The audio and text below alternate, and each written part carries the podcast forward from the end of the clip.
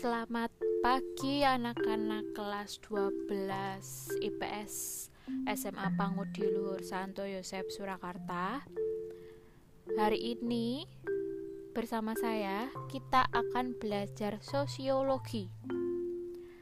Mungkin kamu sudah tahu kalau sosiologi di kelas 12 ini sama seperti kelas 11 akan diampu oleh saya Bu Mentari dan Bu Yuni Kebetulan hari ini kalian belajar dengan saya. Mungkin juga Bu Yuni sudah membahas tentang pembagian tugasnya.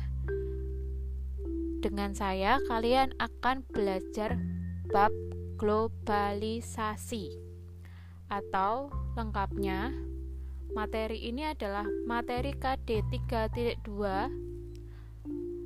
bab 2 dengan judul Globalisasi dan Perubahan Komunitas Lokal. Nah, sebelum kita membahas apa itu globalisasi, saya akan menerangkan atau menyampaikan tujuan pembelajaran kita pada bab ini.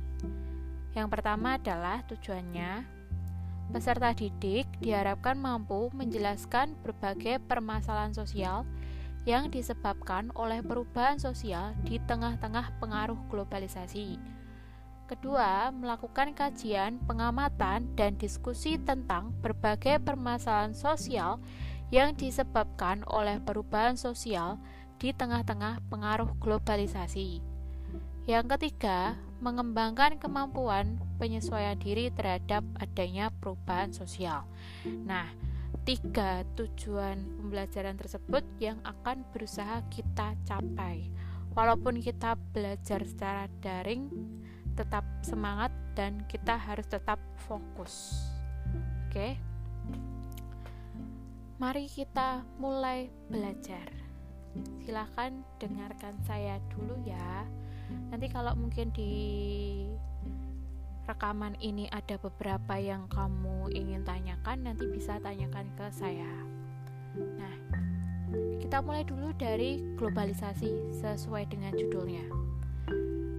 Mungkin kalian sudah sering mendengar kata globalisasi. Nah, kita akan bahas dulu apa arti globalisasi atau berasal dari mana sih kata globalisasi itu.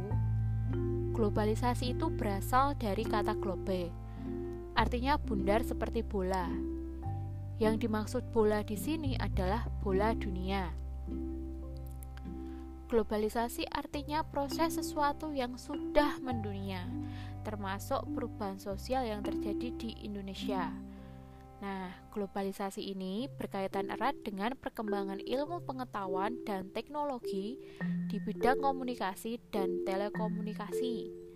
Seperti yang kita tahu kalau di penghujung abad ke-20 ini teknologi di bidang komunikasi dan telekomunikasi itu sangat berkembang secara cepat. Inilah yang menyebabkan munculnya yang namanya globalisasi. Globalisasi ini merupakan perkembangan di mana dunia itu seakan-akan berjalan secara cepat. Jarak dan waktu itu seakan-akan cuma beberapa senti pendeknya. Istilahnya seperti itu. Atau dunia itu seakan-akan tidak ada batasannya. Mudah dilihat, kalian mudah mengetahui dan lain-lain itu karena adanya globalisasi seperti kata Selo Sumarjan kalau globalisasi itu adalah suatu proses terbentuknya sistem organisasi dan komunikasi antar masyarakat di seluruh dunia. Di sini Selo Sumarjan menjelaskan kalau globalisasi itu membuat komunikasi antar masyarakat di seluruh dunia itu semakin mudah informasi yang kita peroleh itu akan semakin mudah dengan adanya globalisasi. Maka tadi dikatakan globalisasi itu adalah proses mendunia. Dunia tanpa batas. itu adalah globalisasi, di mana batasan-batasan karena adanya jarak dan waktu itu bisa diperpendek dengan adanya proses globalisasi. Di proses globalisasi ini terjadi percepatan dan intensifikasi interaksi dan integrasi antar orang-orang, perusahaan, dan pemerintah dari berbagai negara yang berbeda, dan itu berlangsung secara cepat. Misalnya, contohnya, mungkin kamu sudah mengetahui adanya ledakan di Lebanon. Kalau tidak ada yang namanya globalisasi, mungkin kamu tidak mengetahui berita yang ada di sana. Mungkin kamu tidak mengetahui kalau di sana sedang terjadi adanya musibah ledakan yang merenggut puluhan jiwa, melukai ribuan jiwa. Gitu. Itu adalah salah satu contoh dari adanya globalisasi atau dampak dari adanya globalisasi. Seperti di awal tadi juga saya sudah bilang, kalau globalisasi ini berkaitan erat dengan adanya teknologi. Teknologi ini adalah salah satu faktor yang menyebabkan terjadinya globalisasi. Jadi, kedua hal ini sangat berkaitan erat. Dengan adanya globalisasi, kamu itu mudah mengakses berbagai informasi yang ada di seluruh dunia. Kamu bisa mengetahui suatu kebudayaan daerah A misal tanpa harus langsung ke sana. Misal nih sedang uh, banyak-banyaknya orang yang suka nonton drakor atau suka sama K-pop. Mereka nggak akan tahu yang namanya K-pop, nggak akan tahu yang namanya drakor kalau tidak ada yang namanya teknologi. Istilahnya kalau tidak ada penghubungnya kita nggak tahu tuh ada yang namanya K-pop ada yang namanya drakor di Korea sana. Kita cuma taunya itu beberapa hal yang memang kita taunya secara langsung aja kayak uh, kebudayaan daerah kita aja kita nggak mungkin bisa tahu bisa mempelajari kebudayaan dari negara lain kalau tidak ada proses dari globalisasi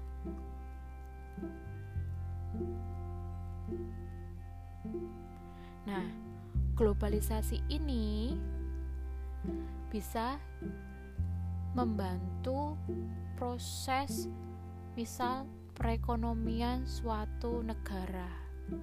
Apalagi negara yang punya wilayah strategis. Sebenarnya Indonesia itu sangat mampu untuk menjadi negara maju karena dia letaknya strategis. Apalagi didukung dengan adanya globalisasi. Mungkin cuma itu kurang dimaksimalkan. Makanya nanti mungkin kamu ada yang jadi presiden menteri dan lain-lain kamu bisa memaksimalkan hal tersebut gitu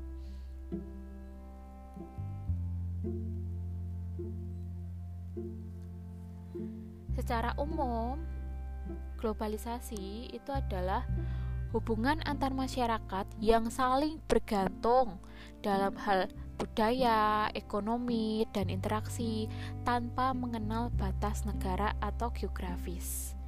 Makanya tadi dikatakan lagi, saya ulangi lagi ya, dikatakan kalau globalisasi itu adalah di mana terjadi proses mendunia. Dunia tanpa batas, itu namanya adalah globalisasi hubungan antar masyarakat yang saling bergantung dalam hal budaya, ekonomi, dan interaksi tanpa mengenal batas negara atau geografis. Nah, globalisasi ini bisa menyebabkan adanya peluang dan tantangan.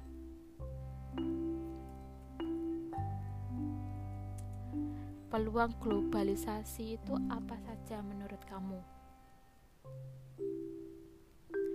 Ayo coba pikirkan sebentar, renungkan sebentar peluang dan tantangan yang ada di era globalisasi ini. Oke, peluang globalisasi, misal kemajuan ilmu pengetahuan dan teknologi di bidang transport, transportasi dan telekomunikasi ini kan telah membuat dunia itu terasa seolah tidak ada batas atau tidak ada sekatnya. Nah, kemajuan teknologi telekomunikasi ini telah membuat hubungan komunikasi antar penduduk antar negara itu di berbagai belahan dunia itu jadi semakin mudah dan terbuka. Jadi walaupun dunia ini sangat besar, tapi itu seolah-olah dunia ini kecil. Karena orang dapat berkomunikasi setiap saat walaupun berada di belahan dunia dan dalam jarak yang amat jauh. Itu kalau secara fisik tapi karena adanya globalisasi ini jadi seolah-olah tuh kecil gitu. Dengan adanya kecanggihan alat komunikasi itu seolah-olah jarak dan waktu itu takkan berarti gitu Nah, globalisasi di bidang ekonomi telah mendorong munculnya perdagangan bebas lintas negara. Ini adalah salah satu peluang dari globalisasi. Munculnya perdagangan bebas lintas negara. Perdagangan bebas adalah suatu situasi di mana arus lalu lintas barang, jasa, dan juga manusia dari dan ke suatu negara di dunia ini tidak mengalami hambatan yang berarti. Jadi karena adanya globalisasi, arus lalu lintas di dunia itu seakan-akan tidak ada hambatan kecuali pada masa sekarang ini ya karena ada pandemik ini mungkin ada batasan-batasan. Kalau kamu mau keluar negeri atau bahkan keluar kota pun itu ada batasan-batasan tapi secara umum sebelum ada corona ini atau nanti ketika kita sudah berhasil melewati pandemi ini bersama, perdagangan bebas itu atau situasi lalu lintas perdagangan dunia itu kembali normal, kembali mudah kayak gitu. Nah, saya lanjutkan lagi. Keadaan seperti itu akan menimbulkan peluang tapi juga bisa jadi ancaman bagi bangsa Indonesia. Nah, peluang itu berupa makin mudahnya barang dan jasa produksi Indonesia untuk memasuki pasaran luar negeri, hambatan non-tarif atau kota dan sebagainya bagi produk Indonesia ke negara lain akan semakin hilang atau tidak berarti lagi. Dengan adanya globalisasi ini ya, peluang kita untuk berbisnis dengan berbagai negara atau bersaing dengan pasar luar negeri itu semakin mudah. Demikian pula halnya dengan tenaga kerja Indonesia. Kita kita dapat bekerja dengan mudah di negeri asing tanpa hambatan peraturan imigrasi yang berarti. Walaupun tetap ada aturannya, tapi secara umum itu lebih mudah karena adanya globalisasi karena kita kan bisa mengetahui informasi-informasi untuk mempersiapkan diri sebelum kita pergi ke luar negeri untuk bekerja atau untuk kuliah. Kita bisa tahu peluang-peluang yang kita dapatkan dari internet dan lain-lain. Nah namun di sisi lain keadaan ini juga dapat menimbulkan ancaman bagi Indonesia.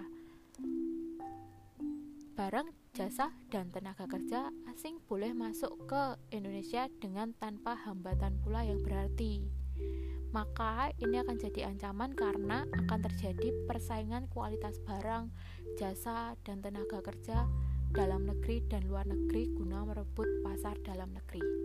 Itu peluang dan tantangannya. Peluangnya kita bisa ke luar negeri, bisa bersaing dengan orang lain di luar negara kita, seperti itu. Sedangkan ancamannya juga sebaliknya seperti itu. Orang-orang atau barang jasa dari luar itu bisa masuk ke Indonesia dan harus bersaing dengan kita kayak gitu. Sedangkan tantangan globalisasi apa nih tantangan globalisasi? Globalisasi dapat pula dipandang sebagai suatu tantangan. Dalam konteksnya ini globalisasi sebagai tantangan merupakan cara pandang yang optimis di mana memandang globalisasi sebagai suatu yang menantang jadi tidak hanya melihat globalisasi itu sebagai sebuah peluang, tapi juga sebagai sebuah tantangan. Sesuatu yang menantang mengandung makna bahwa sesuatu tersebut harus disikapi dan dihadapi dengan berbagai upaya dan strategi. Perdagangan atau pasar bebas dapat dikatakan sebagai tantangan.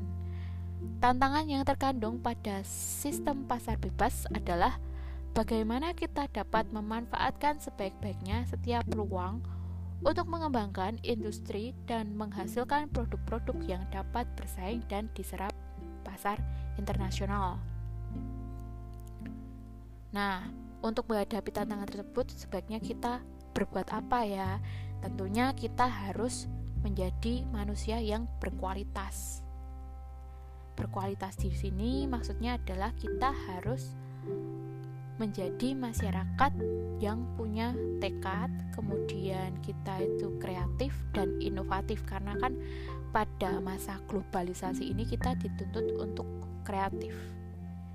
Contohnya di masa pandemi ini kita harus tetap sekolah padahal tidak bisa bertemu secara langsung. Nah, kita diharapkan untuk kreatif dan inovatif untuk membuat suatu gerakan untuk kita itu biar tetap bisa belajar kayak gitu.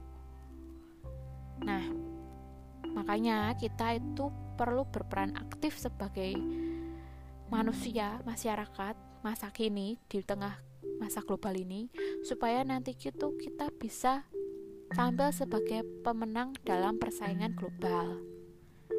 Karena apa? Karena sumber daya manusia yang berkualitas itu menjadi tuntutan dan keharusan untuk dapat menghadapi persaingan yang sangat ketat dalam memperebutkan lapangan pekerjaan yang semakin sempit. Untuk menghasilkan sumber daya manusia yang berkualitas, mampu bersaing dengan semua bangsa di dunia, maka semua komponen masyarakat, terutama dunia pendidikan dituntut perannya untuk meningkatkan kualitas penyelenggaraan pendidikan dan pembelajarannya. Jadi walaupun kita itu sedang menghadapi pandemik tadi saya bilang, kita itu tidak boleh berdiam diri. Kita itu tidak boleh kemudian ah udah belajarnya nggak usah orang juga sekolahnya itu online nggak ketemu langsung itu nggak boleh nggak bisa karena apa globalisasi dunia yang sedang mengalami proses globalisasi ini berjalan secara cepat. Walaupun sekarang ini ada pandemik tetap aja itu dunia itu tetap berjalan secara cepat karena munculnya teknologi pengetahuan dan teknologi komunikasi. Kalau kamu males sebentar saja kamu akan ketinggalan berita banyak.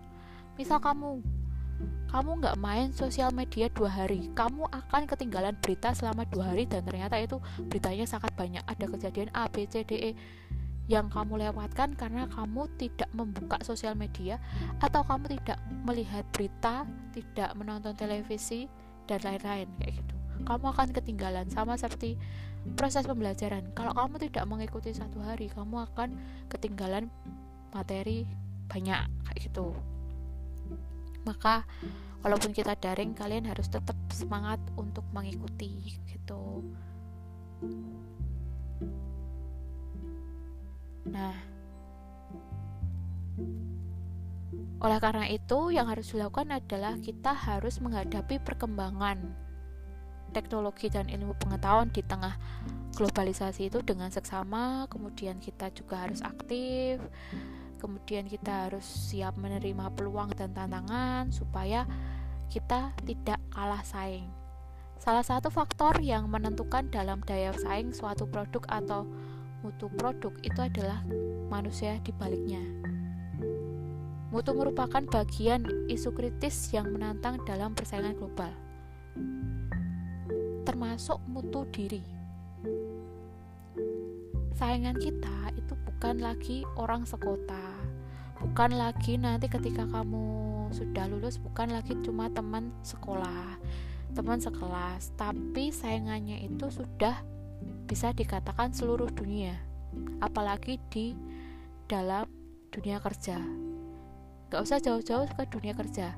Dalam masuk universitas, kalian sudah bersaing dengan satu Indonesia lah paling tidak maka mutu itu sangat penting. Mutu diri itu sangat penting. Kamu pengen masuk universitas yang kamu inginkan ya kamu harus meningkatkan mutumu sesuai dengan universitas yang kamu inginkan. Kamu pengen kerja jadi A ya kamu harus persiapan mempersiapkan mutumu seperti itu seperti itu. Tantangan lainnya dalam menghadapi pasar dan persaingan bebas adalah bagaimana menciptakan sektor-sektor yang memang dibutuhkan oleh masyarakat pada sekarang ini, pada zaman sekarang ini. Semua masyarakat itu di seluruh dunia di era globalisasi ini bersaing. Tidak hanya satu sekolah ini, tidak hanya satu kota ini, tapi seluruh dunia. Karena apa? Karena adanya globalisasi. Kita mudah untuk memperoleh informasi. Kita kalau nggak aktif itu akan ketinggalan seperti yang saya katakan tadi. Kita akan ketinggalan dari masyarakat lain atau dari individu lain. Nah, kalau kamu tidak mau hal itu terjadi pada kamu sebelum terlambat, maka mari kita sama-sama meningkatkan mutu diri kita atau kualitas sumber daya manusia kita supaya nantinya kamu tidak menyesal karena nanti di dunia kerja itu persaingan itu sangat ketat. Nah, materi untuk pendahuluan pengertian globalisasi atau konsep globalisasi. Ibu kira sampai di sini dulu.